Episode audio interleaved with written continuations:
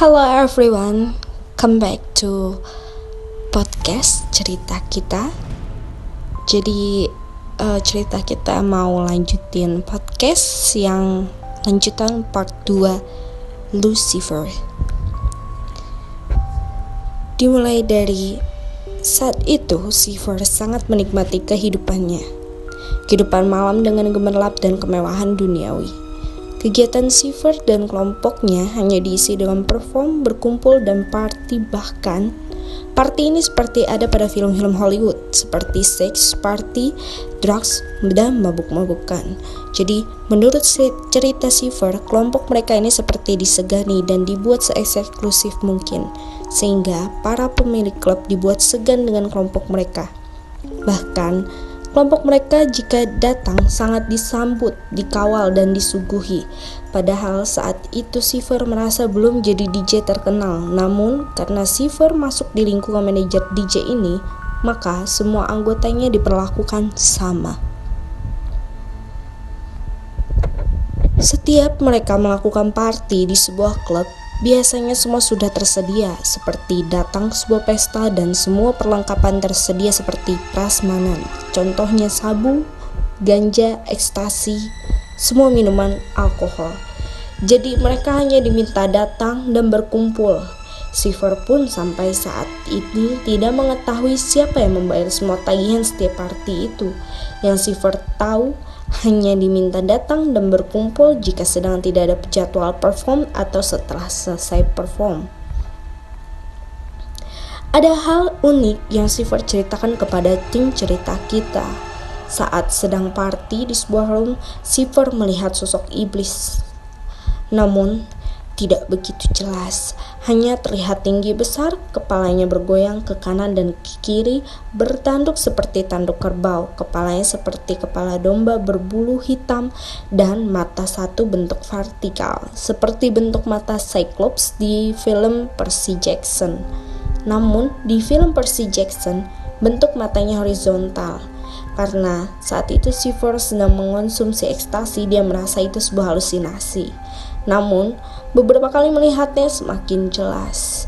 Dia ingin keluar karena takut tetapi tidak bisa karena bentuk iblis ini persis berdiri dekat pintu exit. Untuk mempertegas apa yang Siver lihat, maka Siver menanyakan kepada teman di sampingnya.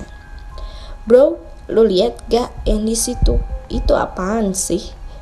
Temannya menjawab, Oh iya, iya, karena merasa kurang puas dengan jawaban temannya, maka Siver menanyakan lagi yang di sebelahnya.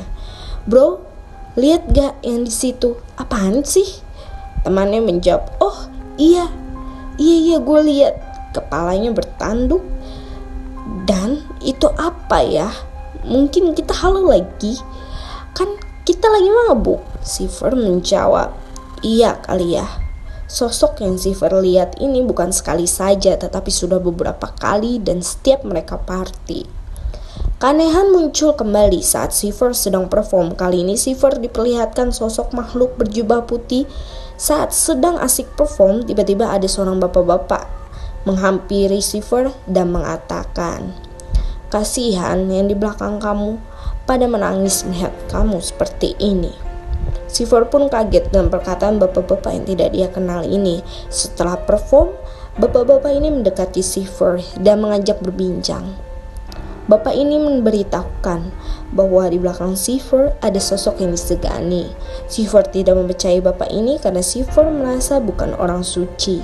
Sifor ini pelaku dunia malam, identik dengan maksiat seperti mabuk dan drugs. Namun, Bapak ini menjelaskan secara singkat tentang siapa yang di belakang C4. Bapak ini menyarankan untuk segera berhenti menjadi DJ. Sontak hal ini mengagetkan C4. Sa selain karirnya yang sedang naik, yaitu karena selama ini dia hidup dari DJ, kalau dia berhenti dari DJ dia makan dari mana? Sampai-sampai Siver mengatakan kepada bapak ini, Apakah Bapak bisa menggaranti kehidupan saya jika saya berhenti dari DJ? Seperti biaya hidup saya? Bapak ini terdiam. Bapak ini hanya menjelaskan jalani saja. Dahulu nanti kamu tahu sendiri. Entah kenapa saat itu Siver mengikuti kata-kata bapak-bapak ini. Dia esok harinya mengatakan kepada manajernya dia berhenti menjadi DJ. Manajernya kaget dan tidak terima karena jadwalnya Siver sudah disiapkan untuk beberapa bulan ke depan dan cukup padat. Manajernya pun berusaha menahan Siver untuk tetap mau menjadi DJ dan Siver tetap pada pendiriannya yaitu berhenti. Seketika kehidupan Seifer berubah 180 derajat. Seluruh teman-temannya menjauhinya. Dia mulai hidup susah dan kelaparan. Bahkan tidak sanggup membayar uang sewa kosan. Motornya hilang, harta dan tabungannya habis. Kemudian Seifer mencoba menemui bapak yang menyarankan berhenti kepada Seifer. Bapak ini menjawab, nanti Seifer akan mendapatkan pekerjaan yang layak di, perka di perkantoran. Dan kejadian ini menjadi titik balik kehidupan Siver yang tadinya hidup ke gemerlap kemewahan duniawi dan berkecimpung dunia hitam menjadi seorang spiritualis. Sekarang yang jadi pertanyaannya, siapakah di belakang Siver? Seperti apa kehidupan Siver setelah meninggalkan profesi DJ-nya? Siapakah bapak yang menyarankan untuk berhenti? Nanti kita lanjut cerita tentang Siver ya. Oh iya, sekarang Sifor bekerja di perkantoran dan memiliki jabatan. Anehnya, dia tidak memiliki gelar pendidikan tinggi, tetapi dipercaya mendapatkan jabatan. Banyak aneh-aneh, banyak kejadian aneh-aneh luar biasa di dalam kehidupan Sifor setelah berhenti dari DJ. Sifor juga bercerita bahwa banyak yang tergabung di Illuminati Indonesia ada kelompok DJ, artis, penyanyi, pejabat, pengusaha, dan mereka dijamin kehidupan duniawinya. Jika ada yang berprestasi atau karena biasanya jika berprestasi banyak fansnya atau pengikutnya yang fanatik dan mengikuti semua gaya idolanya akan diajak ke tingkat global. Selama mengikuti kegiatan Illuminati Indonesia, Siver mengatakan tidak ada ritual khusus, namun sering party, jadi kita berkesimpulan party itu adalah salah satu ritual para Illuminati. Mabuk-mabukan, drug, seks, dan lain-lain seperti yang pernah kita jelaskan, drugs tidak akan pernah dibasmi, eh, tidak akan pernah bisa dibasmi karena pusat pabriknya ada di dimensi. Jika di dimensi masih ada, di dunia pun akan tetap ada. Jadi dengan membasmi adalah menebarkan nilai-nilai ketuhanan, nilai-nilai leluhur, dan tadinya saya mau mengajak sesi dialog dengan Siver, namun Siver tidak mau walau suara dan wajahnya diblur karena dia trauma. Bahkan cerita dari Siver jika dia terang-terangan membongkar semua rahasia dan kegiatannya, mungkin bisa dibunuh. Dan dia masih trauma juga.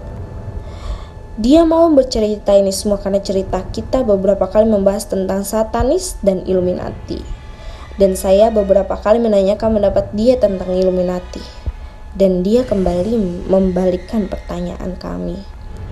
Kenapa kami membahas itu? Kami jawab, tiba-tiba saja ingin tertarik membahas ini. Dan akhirnya dia bercerita pengalamannya menjadi anggota Illuminati. Oke okay, everyone, terima kasih sudah mendengarkan podcast cerita kita. Assalamualaikum warahmatullahi wabarakatuh.